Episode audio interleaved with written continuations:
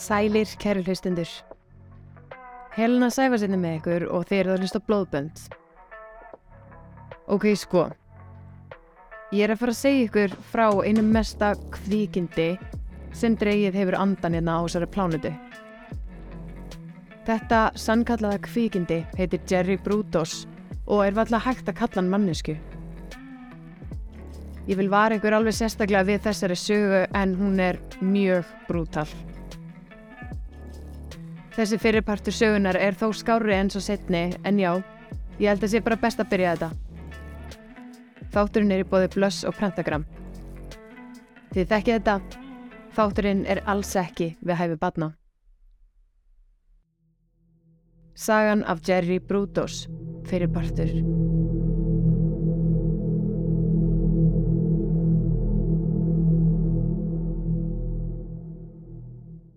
Henry og Eileen Brutos voru hjón sem byggu í Webster í Söður Dakota í bandaríkunum. Þau áttu són sem heit Larry Brutos og áttu svo von á öðru badni. Þau voru ekkit hoppandi kátneitt með það að Eileen veri ólétt. Þau voru búin að ákveða að ætla bara eiga eitt badn.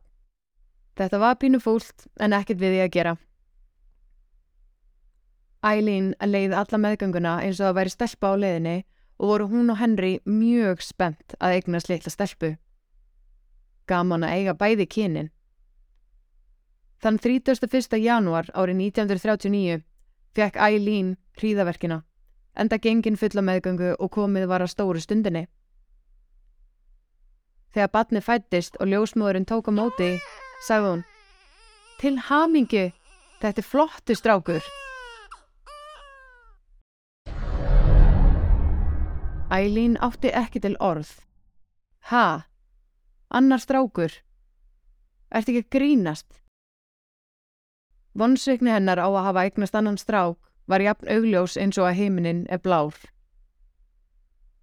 Hann fekk nafnið Jerome Henry Brutos, alltaf kallaður Jerry og var vasperi í stjórnumerki.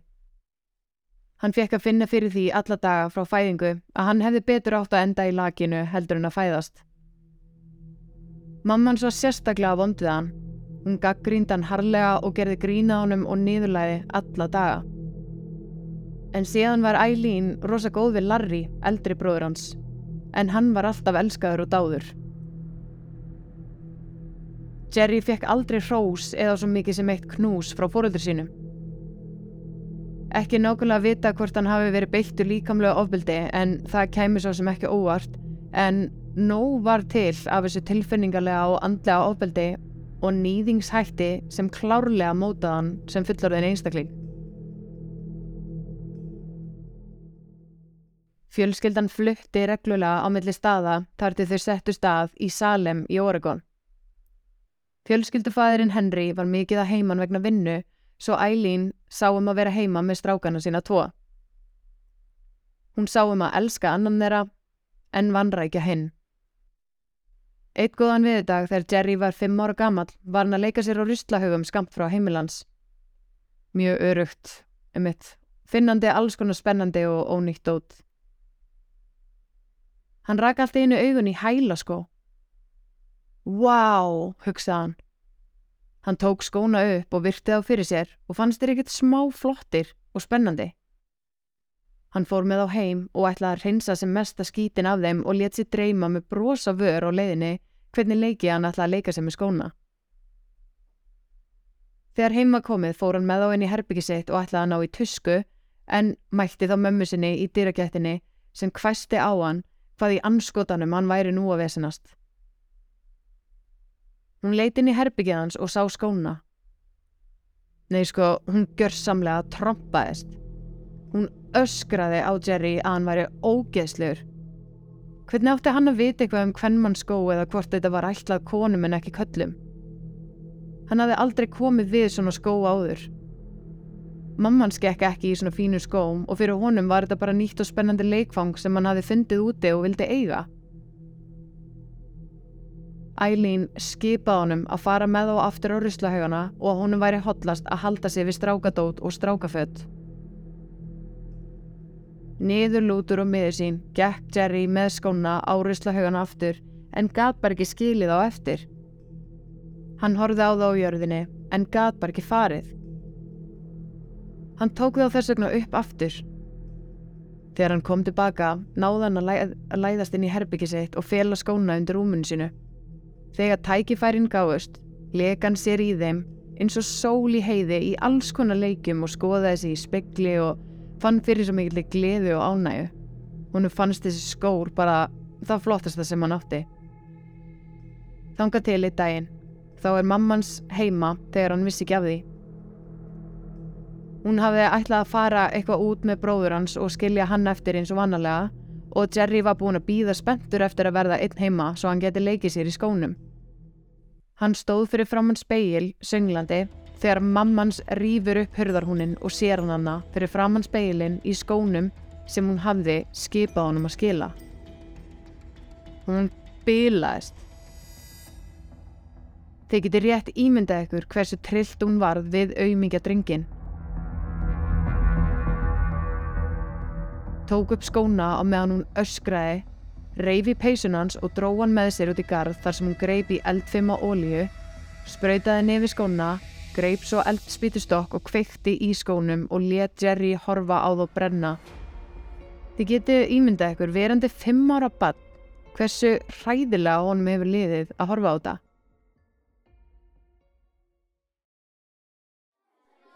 Eitt skóladaginn í fyrsta bekk var Jerry og bekkjafélagar hans í einhverjum leik sem innihjalt einhverjar æfingar og hopp og stuð við kennaranu þeirra. Þegar Jerry lagðist niður á gólfið við skrippbor kennarans kom hann auða á hælaskóna sem að kennarinn hans var alltaf í en hún hafði skilað á eftir undir skrippborðinu á meðan hún var í þessum tiltekna leik með krökkunum. Jerry lág á gólfinu og starði bara á skóna og stóðst ekki fristinguna en hann tók skóna og mátaði þá. Hann leitt svona skömmustilegur í kringu sig og sá að það var enginn að sína honum einhverju aðtikli svo hann prófaði að lappa í þeim og þá byrjiði einhverju krakkar að taka eftir honum í skónum en krakkanum fannst það bara sniðugt og fyndið og kennarinn leiði honum bara að leika sér í skónum. Þegar bjallan ringdi og kennslustundinni laug kallaði kennarinn á Jerry og spurði um skóna sína.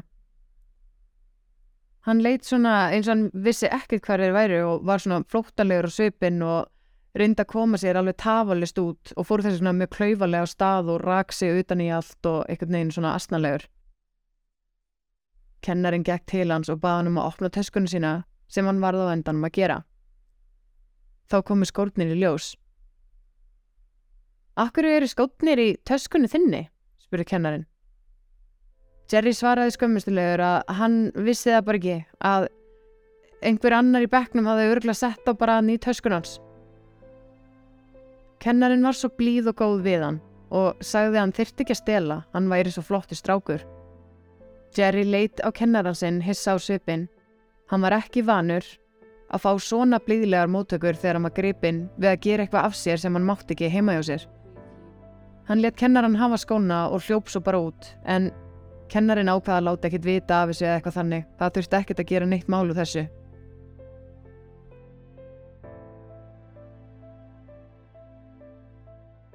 Jerry gekk mjög illa félagslega og námslega í skólanum og var alltaf veikur.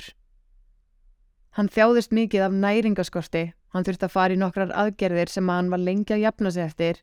Hann var með mýgrinni sem alliði að hann kastaði mjög reglulega upp og hann meiri þess að misti sjónina á öðru auganu á tímabili. Hann var látin hafa gleru sem gerður hlutinu svo sem ekkert betri fyrir hann fyrir vikið. Vegna lélærar mætingar var hann látin taka annan bekkin aftur. Það fannst honum ömulegt. Hann var bara badd sem átti gríðarlega erfitt heima fyrir og vegna veikindan hans var hann meira heima ef væri ekki fyrir þessi stöðu og veikindi. Hann átti alltaf erfitt með að eignast og halda í vini því krakkarnir nettónum ekki. En það var hann bara eitthvað svo fyrðulegu krakki sem kunningin félagsli tengsl eða hvernig maður á að haga sér við vini sína svo að þeir vilja leika við mann.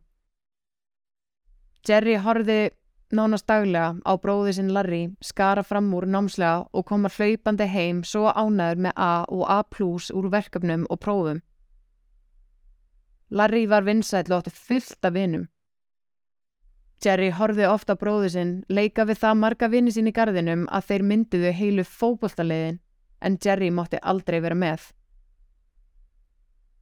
Eileen passaði einstaklega vel upp á að ástennar á Larry færi ekki fram hjá Jerry og hann væri einskis verði parturinn af fjölskyldinu sem enginn vildi. Þegar Jerry var í öðrum bekk, fluttu nýjir nágrannar í göttuna sem að Brúdós fjölskyldan bjó. Svo fjölskylda innihjalt foreldrana báða, tvær stúlkur á úlingsaldri og sonur á aldur við Jerry. Brúdós hjónin gerðust svo vinaleg að bjóða nýju nágrannunum í mat eitt kvöldi til að bjóða þau velkomin og þáði fjölskyldan það með þökkum.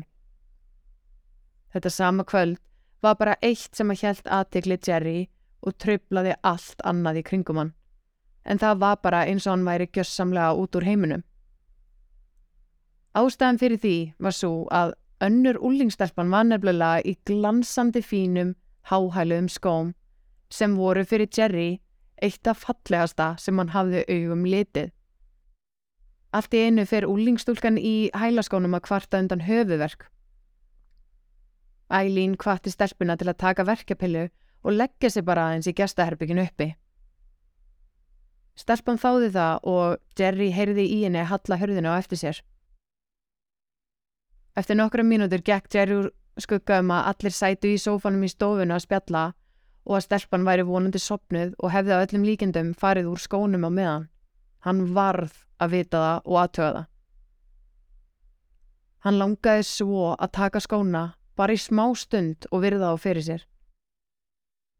Hann lættist fram og leiti gegnum litlu rifinu á herbygginu og sá þar stelpuna liggja með teppi. En svo sá hann að hún var enni skónum því að skótnir komu undan teppinu. Jerry let það ekkert stoppa sig. Heldur lættist Jerry inn í herbyggið og hallaði á eftir sér lættist eins hljóðlega hann gat að fótum stelpunar og byrjaði hægt og rólega að klæðana úr skónum. Þarna er talið að Jerry hafi fyrsta sinn reynd að fá sínu fram þar sem hann hafi aldrei gert þetta áður.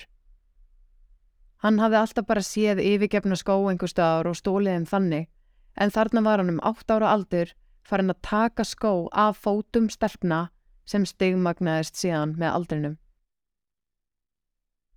Allt í einu rýst stelpan upp, horfandi á þetta badnana á gulvinu að reyna að taka skóna af sér. Hvað er þetta, hvað, hvað er þetta að gera? spurði hún hissa á svipin og sem betur fer, sagði hún ekki frá þessu. Heldur lefði hún Jerry að flýja út úr herbygginu og þess að segja neitt. Þið getur rétt ímyndað ekkur hvað mammans Eileen hefði gert ef stelpan hefði sagt frá þessu.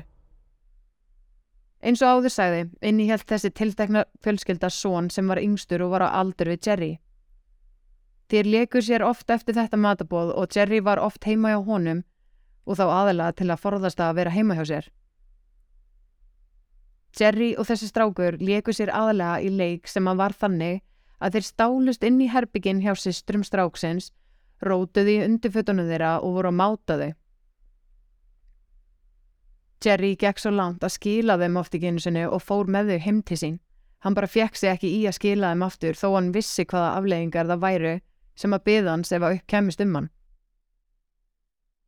Þegar bræðurnir urðu eldri var einhvern veginn óskrifu regla að Jerry hafði það hlutverk að sjá um flest húsverk heimilisins. Larry þurfti aldrei að lifta fingri enda vinamargur og vinsæl og var alltaf eitthvað að gera hjá honum sem að tengdist sérstaklega félagslífinu. Nágrannadrengurinn spurði kannski nokkru sennum eftir Jerry en þá mátt hann ekki fara út að hitta hann því að hann átti eftir að skúra eða þó þótt eða ganga frá eftir kvöldmatinn. Við kynþróska aldur var Jerry aldrei kent neitt um allt sem að tengist hinu kyninu, breytingar sem að maður byrjar að finna fyrir hvernig kynlíf gengur fyrir sig og hvernig er eðlilegt að hegða sér í samböndum og hvað ber að varast að gera. Fyrir tvítugs aldur vissan ekki einu sinni hvernig börn verða til. En það er bara sjálfsögði mjög hættulegt að vera manneskja sem að finnur fyrir öllum þessum hormonabreitingum og forvitnin og spennan sem hann byrjar óum beðin að myndast við minnstu hluti og vita bara ekkert um það það getur bara verið mjög hættulegt þeim sem mann fær áhuga á og leiðir hann ekki rétt að átt með að kynast sjálfu sér einu sinni. Larry bróður hans lærði náttúrulega fullt af vinu sínum og vinahópnum varðandi þessa hluti en foreldrastrákana voru ekki hrifin af því að nefna nokkuð af þessu tægi við þá.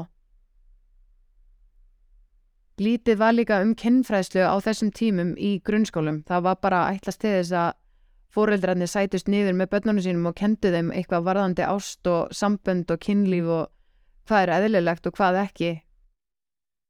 Jerry sagði sjálfur frá því að vegna þess hver lítið hann vissi um þessi mál, leið honum alltaf eins og hann væri eitthvað skrítin og furðulegur þegar bekkefélagar hans voru að segja brandara sem innuhjeldu kynlífsatafnir eða stelpur eða sambönd og sögurnar þegar þeir mistu svingdómin. Hvað var þetta svingdómur? Jerry vissi nákvæmlega ekkert um hvað þeir voru að tala og hvað það var sem gerði brandarana svona fyndna þegar strákarnir lágu gjössala í hlátuskasti og gáfu hvort öðrum spaðan. Hann þekkti ekki einu svona orðin sem þeir notuði yfir alls konar kymferðislega hluti og líkamsparta og skildi bara ekkert hvers vegna hann skildi þá ekki. Jerry þóldi ekki hvað hugur hans fór alltaf meira og meira út í stelpur og hvenn líkamann. Það var bara nóg fyrir hann að sjá hvenn nærfött og auðlýsingar á strætóskildum eða í blöðunum og þá opnuðist augun alveg upp á gátt og eitthvað gerðist í líkamannum hann sem fekk hann til að örfast kynferðislega og það viss hann ekkert að væri eitthvað eðlilegt. Hann bara reyndi að berjast og móti sig að því að hann var alveg vissum að þetta væri bara eitthvað óæðilegt. Eitt daginn var Jerry einn heima og stalst þess að fara inn í herbyggið hjá bróðu sínum til að gramsa, sem hann mátti auðvitað alls ekki. Hann sá þá svona bladabunga af hvítum prentarablöðum, hann tóka upp og sá þá alls konar teikningar sem að bróður hans hafi teiknað. Aðalega voru þetta teikningar af hvenn líkamannum, brjóstum og píkum sem hann virti fyrir sér. Auðvitað eins og nánast alltaf lappar mammans Eileen inn og sér hann sitjandi aðna með allan enn bladabunga í höndunum á sér og auðvitað trillist hún því hún hjælt að hann væri sá sem að teikna þessa myndir. Jerry ákvaða að taka þetta bara á sig, öruglega vitandi að hann fengi bara enn meira á baugin ef hann reynda að tellja henni trú um að herra fullkomni Larry hafði verið sá sem að vara að teikna einhverju svona skrítna myndir. Jerry hefur bara ekki fundist að vera þess virði að taka slægin og búa til enn meiri rifrildi til að reyna sanna málsi. Hann leitt hvað sem er á sjálfa sig sem algjöran lúser og var vissum að að væri eitthvað svo mikið að honum því að hann var alltaf látin skammast sín fyrir að verða kynþróska að ekkert við þessa breytingar á líkamanns og hugsunum varu eðlilegar sem það varu þetta. Þó að Jerry hafi alist upp með móður sem var niðurlæðan og mannrækti alla hans æfi heitlaðist hann aldrei að þannig konum. Jerry laðist hins vegar að góðum og blíðum konum í háalögum skóm. Konum sem voru gjörsamlega andstaðan við móður hans. En áður en við höldum áfram skulum við taka örstuttar auðlýsingar frá styrstaraðalum þáttana. Blöss á Amali Happy birthday! Kíkt á blöss.is og snúðu ammælishjólinu og nældu þér í fullnægandi afsláttakóða sem er frá 10 til 50% afsláttur. Þú mátt snúa því á hverjum degi út 30. apríl en allir sem að skrá sig fari í pott og einn heppin vinnur 50 skrona innegn í blöss. Til hamngi mammalið!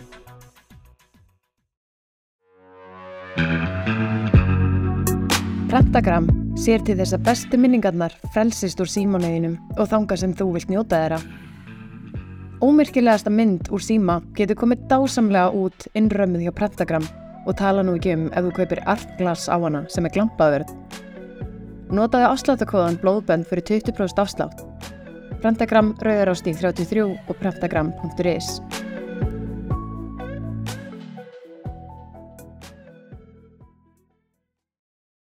Jerry var ekkert mjög hillandi útlitslega séð þegar hann var úlingur en hann var rauðherður, mjög bólugrafin, stór og mikill, með ringlótan haus og líktaði yfirleitt illa. Honum var lítið sem ekkert kent að þrýfa sig og eins og við vitum öll þá er svona úlingasvitafíla ekkert mjög aðlaðandi og Jerry var alltaf látin óafskiptur af öllum stelpum í skólanum. Það var einhvern veginn öllum bara alveg sama um hann. Snemma á úlingsárunum byrjaði hann að læðast inn í gardana hjá nágrannafólki og stela kvennmanns nærfötum sem hann voru að þotna á þvottasnúrum. Það stegmagnaðist síðan, þar sem hann var farin að fylgjast með heimilisfólki yfirgefa heimili sín og fara þá inn á heimiliðar og stela kvennmanns nærfötum sem hann fann. Svo fór hann alltaf með nærfötin heim til sín þar sem hann var búin að mastera felustæði svo það kæmist ekki upp um hann. Og þegar tækifæri gáðust, stundaði hann sjálfsfróun með nærfötin í höndunum eða klættist þeim sjálfur. Mhm, mm smekklegt. Fyrsta alveru brotið hans gegn konu var þegar hann var aðeins 17 ára gammal. Þá bankaði hann upp á hjá konu sem var á miðjum aldri. Hann bauð góðan daginn þegar hann opnaði hurðina. Hann sagðist vera óenginnisklættur lauruglu þjótt. Hann sagði að hann væri að rannsaka þjófnað sem að væri verið að stunda af þóttasnúrum hjá fólki í hverfinu. Hvort hún kannast ekki eitthvað við það? Jú, konan sagðist kannast við það og krosslaði hendurna svona saman og velti Jerry fyrir sér á meðan hann fullirt eitthvað bull varðandi þjófna. Hann endar svo að samtalið á að segjast vilja endilega spjalla við hann að nánar um þetta og gaf henni heimilisfang, dagsettingu og tíma til að taka spjallið og kvatti svo. Ok, í fyrsta lagi segja óenkennisklættir lauruglumenn fólki ekki frá því að þeir séu það og í öðru lagi, hvað var þessi ungi maður að vilja ræða nærfata þjófnað við hana? Konan hugsaði bara, hvað er það versta sem gætt gerst? Vallan eitt alvarlegt en vegna þess að hún hafði sjálf lend í þessu vildi hún mæta þangað og sjá bara hvað myndi skeið. Kanski ætlaði hann að skíla nærfötunum hennar og byggjast afsökunar. Jerry var auðvitað búin að gefa henni tíma á dagstætningu þar sem hann vissi 100% að hann væri einn heima. Þegar að þessu kom, bankar konan upp á og heyrir Jerry kalla innan úr húsinu. Sæl, komdu bara inn, ég er hérna uppi og konan opnar hörðina, fer inn, lokar á eftir sér og lappar rólega upp stegan. Þegar hún kom upp, sá hún engan og stegið inn í eitt herbyggið og kallar Halló? Halló? Allt í einu stekkur Jerry, grímu klættur út úr fataskapnum með stóran hníf í hendinu. Hann stekkur á hana, otar hnípnum maðinni og segir henni að fara úr öllum fötunum undir eins. Og ef hún ætlar að vera með eitthvað vesen, mun hann drepa hana. Koninu auðvitað krossbrá og byrjar skelvingur lostinn að klæða sig úr fötunum kjökrandi. Jerry kom svona upp að henni og setti hnífin upp við hálsin á henni og mynda hana á að hann muni drepa hana heiklust ef hún gerir ekki eins og hann segir. Þegar konan var komin úr öllu og stóð nakin á miðju gólfinu tók Jerry upp myndavel og sagði konunni að pósa í alls konar stellingum og með því að taka myndir fyllt hann heila filmu.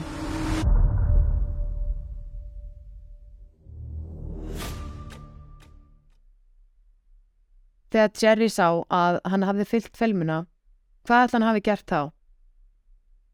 Nei, nei, ekkert blóð eða morð en þá á þessum tímapunkti. Heldur flúðan sjálfur út úr sínu eigin herbyggi og út úr sínu eigin húsi. Bak við húsið tekur hann af sig grímuna og leggur myndaveluna og hnífin niður og fer aftur inn í húsi þar sem hann mætir konunni í dyragettinni. Þar var hún búin að hálf klæða sig og var að gera sig líklega til að flýja burt. Jerry tekur þennan á þetta. Oh my god, ertu búin að sjá grímuklæta mannin? Er lægi með þig? Gerðan þér eitthvað? Hann var búin að læsa mig inn í skúrnum hann úti og ég er rétt náða að flýja. Dríðum okkur í hann. Og konan ákvað bara að leika með og svara Já, það er lægi með mig. Dríðum okkur. En hún augljóslega sá að þetta var sami maðurinn eða strákurinn. Það þurfti engan sérfræðing til að sjá það. Mér finnst alveg stór fyrðulegt að konan tilkynntan aldrei til örglunar. Hún einfallega hrættist það svo mikið að hann kæmi aftur til að klára það sem hann hótaði ef hann myndi koma staði og hún hefði kæftu frá. Dægin eftir let Jerry framkalla filmuna og fór með ljósmyndabunkan með sér heim. Hann áttaði sig á því að hann hafði ekkert verið að horfa mikið á konuna sjálfa þegar hann var að taka myndinar. Heldur var hann meira að einbita sér að ná myndunum, fylla filmuna og flýja svo eins frætt og hann gat út. Hann var nefnilega fyrir smá vonbreiðum þegar hann fór svo að velta myndanu fyrir sér. Konan var ekki í hælaskó með hann eitt og hún pósaði ekkert rosalega vel eins og hann hafi haldið að hún hafi náð að gera, en jújú, jú, hann leti þess að myndir duga nokkru sinnum á meðan hann stundaði sjálfsfróðun. En eftir áttamáni var hann komin leiðaðum og langaði í eitthvað nýtt og fest. Þegar Jerry var enn 17 ára gammal ákvaðan að fara á vit æfintýruna á ný sem innihjalt að ná einhverju nýju í sjúka sapni sitt. Hann ákvaði þetta sinn að bjóða ungri stelpu far með sér heim úr skólanum sem hún þáði og hún stegin í bílinn. Hún sað hann um hvert leiðin lág en hann fór allt, allt annað en það. Allt í einu læsir hann hörðunum á bílnum og kerðir ragleðis á einhvern einangraðan sveitaveg þar sem hann stoppaði bílinn og sagði stelpunni að byrja að klæða sig úr. Hún sagði bara þvertinni hei og þá trilltist Jerry. Hann byrjaði á að öskra á hana eins hátt og hann gat en misti svo algjörlega stjórn á sér og byrjaði að berja hana af öllu afli með berum höndum. Stelpan öskraði og reyndi að verja sig frá höggunum en Jerry var svo yfirburða mikið stærri en hún og náði þess að kýla hana og slá hana og rífi hárið á henni svo heilu tíkóinn slitnuðu af höfðun á henni. En fyrir einhverja ótrúlega telviljun kemur bíl og er aukumæður hans var við að eitthvað mikið sé að í bílnum hjá Jerry og flautar. Hann stýgur svo út úr bílnum og segir Jerry að opna hörðina undir eins sem hann gerir og þá dettur stelpan halvpartin út úr bílnum nánast meðutundarlaus og öll út í blóði. Jerry reyndi að útskýra að hann hafi sko komið að henni svona og væri að reyna að hjálpa henni bara. En augljóslega sá maðurinn blóð á höndunum svona á hnúunum á honum og hann var svo lafmóður að ekkert gatt annað verið en að Jerry væri sá sem hafi ráðist á hana. Án þess að segja neitt tók maðurinn stelpunum bara með sér í bílinn sem gati ekki með neinum hætti útskýrt hvað hafði skeið því hún var svo illa barinn. Svo maðurinn kerði með hana burt og sjúgrás. Þetta var í fyrsta sinn sem að Jerry hafi líkamlega barið stelpu. Áróðsinn var tilkynnt og maðurinn hafi lagt númeraplötuna og, og útlitt Jerry á minnið og gati svona bent skýrt og greinilega á Jerry og lauruglan tóku sér mjög alvarlega. Heimild var veitt til að gera húsleitt hjá Jerry í daginn sem var handekinn fyrir árásuna. Þar auðvitað fundust alla ljósmyndirnar af fyrri konunni og rísastórt sapn af hvennmanns nærfötum í öllum stærðum og gerðum. Meira segja voru nærfötarna sem voru ára tuga gamlar sem hann hafi stólið með vini sínum þegar hann var í öðrum bekk. Hann átti þetta allt ennþá. Það var svo sem ekki ekkert að dæma Jerry fyrir stöld á þessum nærfötum Margar ástæður kynna að vera fyrir því að hann ætti þetta. Kanski áttu kærustutnar hans þetta. Kanski var hann um gefið þetta allt eða sendið pósti. En eitt var víst að það var engin glæpur að eiga þessi hvernmanns nærfödd en Jerry var auðvitað spurður út í myndennar af hrættu nögtu konunni í herbygginu. Jerry útskýrði að eldri strákur sem hann þekkt ekkert hafi hótað hann um að láta framkalla þessa myndir og ef hann myndi ekki gera það er þann drepin. Hann saðist ekki hafa þóra öðru en að láta framkalla þær bara en hann vissi ekkert hvað væri á þessari filmu. Í rauninni var ekkert hægt að sanna að Jerry hafi verið sá sem að tók myndinar því hann sást hvergi á þeim og ekkert var hægt að bendlan við þær. En í setna skiptið var sem betur fyrir vittni sem gætt sannað að Jerry hafi verið árásamæðurinn og var Jerry dæmdur til að dvelja á geðdeild á Oregon State Hospital í nýju mánuði. Þar var hann greindur með geðklofa sem að var í rauninni bara einhver svona stimpill og voru gerðar alls konar tilraunir með hann, hvaða lif voru að virka og hver ekki. Því geðklofi var á þessum tíma greindur sem bara svona eins og óþægtur kvilli og fengur læknar bara svolítið frjálsar hendur með hvað var gert í hverju tilfelli fyrir sig og hvaða livjum fólki var útlitað. Einnig fundu geðlæknar það út að þessi hegðun gagvart kvennfólki átti rætu sínar að regja vegna haturs hans gagvart móður hans. Hann hafði alla sína æfi alist upp á heimili þar sem hann fekk aldrei ást og umhyggju frá eina kvennmanninum sem skiptan einhverju máli. Þrátt fyrir að hafa verið dæmdur fyrir þessa líkamsára á skakvert þessari stelpu, útskrifaðist hann með bekkefélugum sínum árið 1957 sem rafindatæknir og var virkilega klárið þeirri delt. Ótrúlega við það er að bekkefélagar hans voru ekkert að láta þetta trubla sig hvað hann hafi gert og hvað hann var dæmdur fyrir. Öllum virtist bara að vera svo skýt sama um hann. Hann átti ekki einn einasta vinið af vinkonu. Hann talaði aldrei við neittni í skólanum og fólk virtist bara horfa framjá sig því hann skipti engum máli fyrir neinum. Um tvítugt ákvaðan að háskóli væri ekkert sem að hann hafi endilega áhuga á, svo hann sótt um vinnu í hernum sem að var eitthvað starf sem að tengdist rafindatekni. Ég er ekki alveg viss hvað það var nákvæmlega en það skiptir ekki máli. Hún gekk mjög vel í fyrstu í því starfi og stóð sér vel í vinnunni og varð ágætis vínur herbyggisfélaga sinna sem sváfu í kójum í sama herbyggi og hann. Hann byrjaði svo að deila því með herbyggisfélagum sínum að það væri alltaf einhver kona frá kóriðu sem væri ásækjan, sem væri að skrýða upp í rúmi til hans á nóttunni og reynda stunda kynlíf með honum í hvert sinn. Jerry sagði að hann bara vildi ekkert með þessa konu hafa og vildi ekki stunda með henni kynlíf en hann náði alltaf að verja sig og láta hann að heipja sig út. Ekki er alveg vita hvort að þetta hafi verið ímyndin í honum, eitthvað sem hann held að hann liti út fyrir að vera eitthvað cool eða töff eða eitthvað tengt geðkvillum hans, hvort hann var þá bara að upplifa þetta í alverunni. En þegar Jerry gafst upp á þessari konu sem engin annar hafði orði var við eða séð áður, fór Jerry og sagði yfirmannu sínum frá þessari konu. Tekin var ákverðun um að reka Jerry úr starfinu, að hann væri ekki nógu andlega vel stattur til að sinna þessu starfi þar sem andleg helsa skipti miklu máli. Hann var því, pjú, látum flaka. Þegar Jerry snerið á aftur heim til fjölskyldu sinnar, var Larry bróður hans á háskóla heimavist og var þess vegna ekki búandin á heimilinu.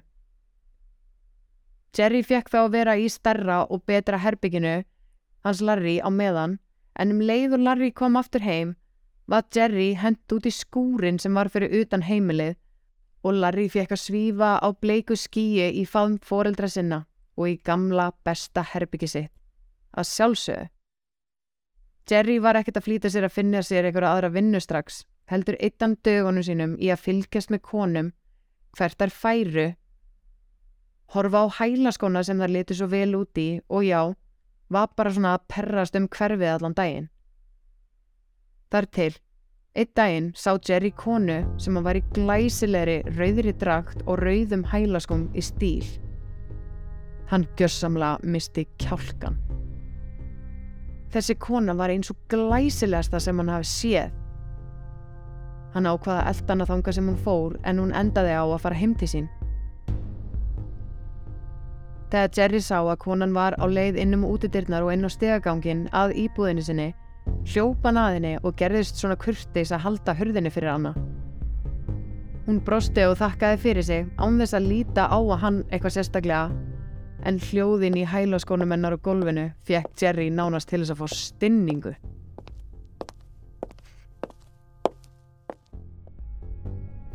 Hann gekk úr skuggum að engin annar væri á svæðinu eða sæi til hans en þá lættist hann aftan að konunni og tók hann að hálstaki, kristi eins fast og hann gat og slefti ekki fyrir en fætunir hann að gáðu sig og hún datt meðutundarlösi gólfið. Jerry stressaðist allur upp og byrjaði að svitna. Hann vissi ekki alveg hvaða afleggingar eruðu af þessu hjá honum svo hann hugsaði, ok, plan A.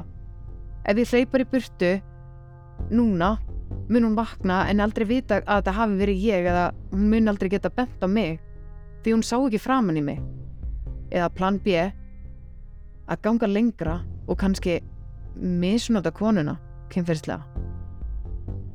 Hann var þó ekki viss hvort hún væri dáin eða ekki, svo hann ákvað þá bara að taka rauðu hælaskónennar af fótunum á henni og skilja hana eftir eins og hún var. Hann fór heim með skónennar, þessar rauðu, skínandi og örglega randýru skó. Eftir þessa árás fannst Jerry eins og hann væri svona ósigrandi. Honum fannst hann dóminera og vera yfir þessar konur hafður sem gaf honum gríðalegt egobúst. Hann fekk síðan vinnu sem rafindatæknir á útvarpstöð þegar hann var 22 ára. Hann fjall vel inn í vinnufélagahópin sem hann vann þar og hún leiði vel og hann spjallaði við þá og byrjaði að líða svona eins og eðlilegri mannesku í fyrsta sinn. Hann hafði aldrei átt kæristu áður og sagði vinnufélagunum frá því, sem voru bara peppan frekar en að gera grína honum. Eitt þeirra sagði svo, Herðu, ég þekki eina sem þér gæti litist vel á og ef ég þekki hana rétt, myndu klárlega geta hilla hann upp úr skónum. Vinnufélagans var að tala um minna 17 ára gömlau Darcy Metzler. Aldursmunurinn var ekkert litin neitt stór mál á þessum tíma þó að hann væri 22 ára og hún undir lögaldri en konur á hans aldri vildu bara ekkert líta við honum. Hann var svo reynslulegs á öllum sviðum sem tengdu samböndum og hann krekti þá í eina sem að var bara nánast barn en þá. En hún var mjög falleg stelpa með stór brún augu og brúnt fallegt hár. Hún var ekkert á borð við Jerry og hefði getað valið svo mikið myndalegri og reynslu meiri mann en það var eitthvað við Jerry sem að hylla hana. Hún vildi stöðugt verið kringum hann því henni leið eins og hann myndi passa upp á hana. Fóreldrar hennar þóldan ekki og aldursmunin á þeim. En eins og við vitum mörg, ef þú segir úlingi að hann megi ekki gera eitthvað, gera margir þeirra það sem hann má bara alls ekki og það tíu sinum verða. Hún var bara meira hrifin af Jerry fyrir vikið. Hún var feiminn og blíð og frekar svona lítil í sér og henni fannst Jerry lifta sér upp og hvetja hana áfram í lífinu.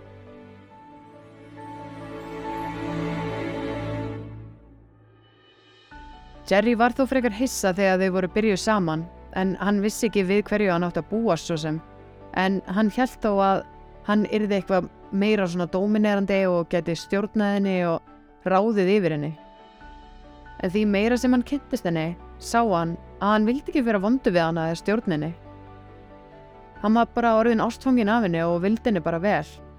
Þótt ótrúlegt sé stóð hann sér virkilega vel sem kærasti Darcy. Hann tók hana með sér stefnumót og gaf henni blóm og gjafir með fallegu hugafari bakvið og heitlaði hana bara endalust upp úr skónum. Hann hafði aldrei elskað konu áður en hann var að upplifa að fá ást tilbaka frá konu í fyrsta sinn á æfinni 22 ára gammal. Hann vildi allt fyrir hann að gera og gerði það að markmiði að gera hann að hamingjusama. Eftir nokkra mánuði vildi Jerry giftast henni. Það var bara eitt sem var á hreinu.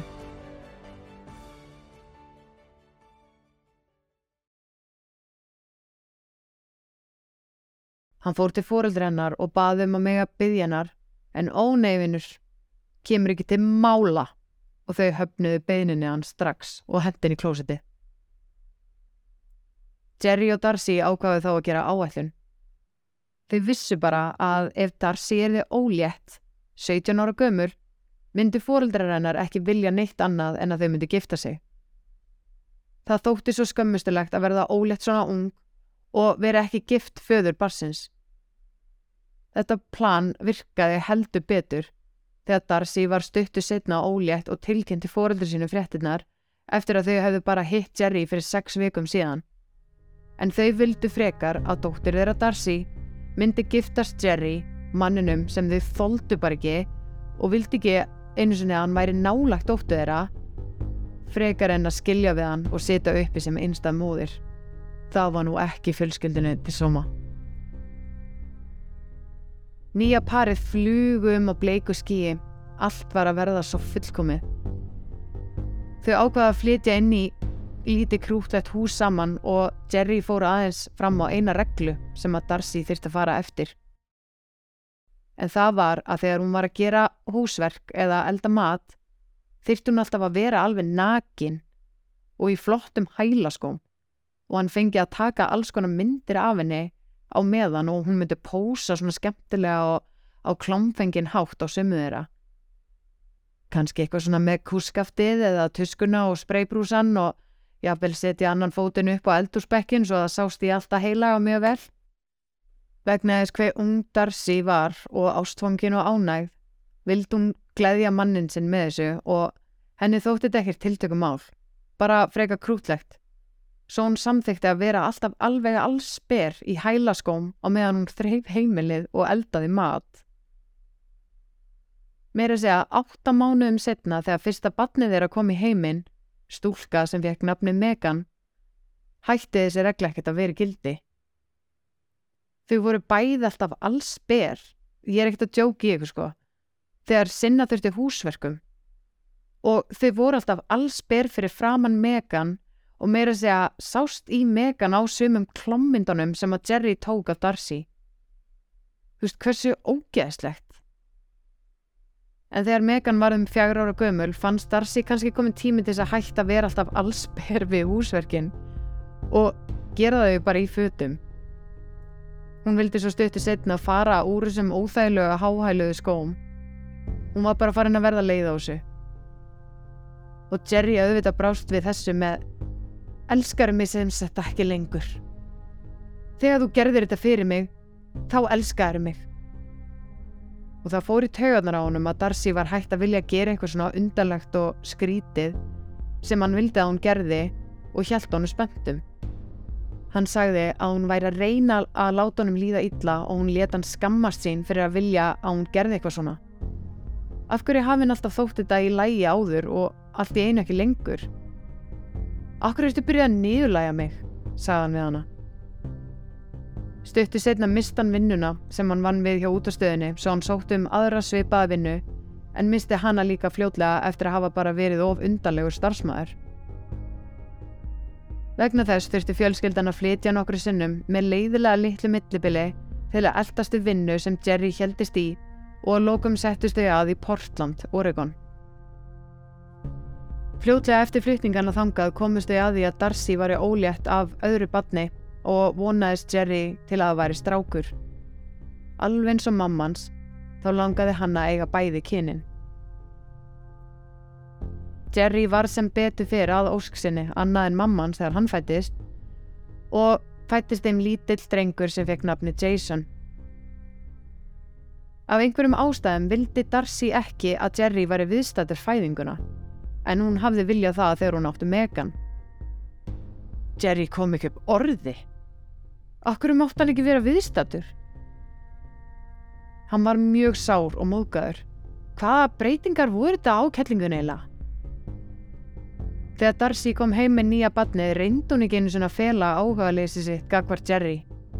Hún vildi ekki sofa hjá hann lengur, leit bara valla á hann og sínd honum að lókum enga ást eins og hann hafi fundið áður frá henni. Jerry dó þá ekki ráðalaus heldur fór hann þá bara að taka upp og gera það sem hann hafði áður gert sem var stela nærfötum af konum. Hann gjörsamlega flippaði einn daginn og fór þá bara sjálfur í þessi nærföt sem hann hafði stólið og tók alls konar myndir af sjálfum sér í þeim og skildi svo myndirnar eftir út um allt á gólfinu á heimilegra. Og þú veist, hvað er að? Darcy myndist ekki á þetta einu sinni við hann Hún tók myndina bara upp á gólfinu og hendiði mér uslið og leti eins og henni væri bara alveg sama. Og þetta fekk hann ekki einu sinni til þess að vilja ræða málinn við hann. Stutt eftir þetta lendi Jerry í slisi sem var þannig að hann fekk óvart ramagsjokk með að snerta tvo víra í einu sem mátti augljóslega ekki, sem leti til þess að hann skust upp í loftið og lendi illa á gólfinu sem allir meðislum á hálsi og einhverjar fleiri skrúur duttu þar með úr hausnum ánum Því að segja ykkur næsta miðugudag sittni hluta sögunar sem er það veður styggilegur að ég verð bara að vara sérstaklega við honum.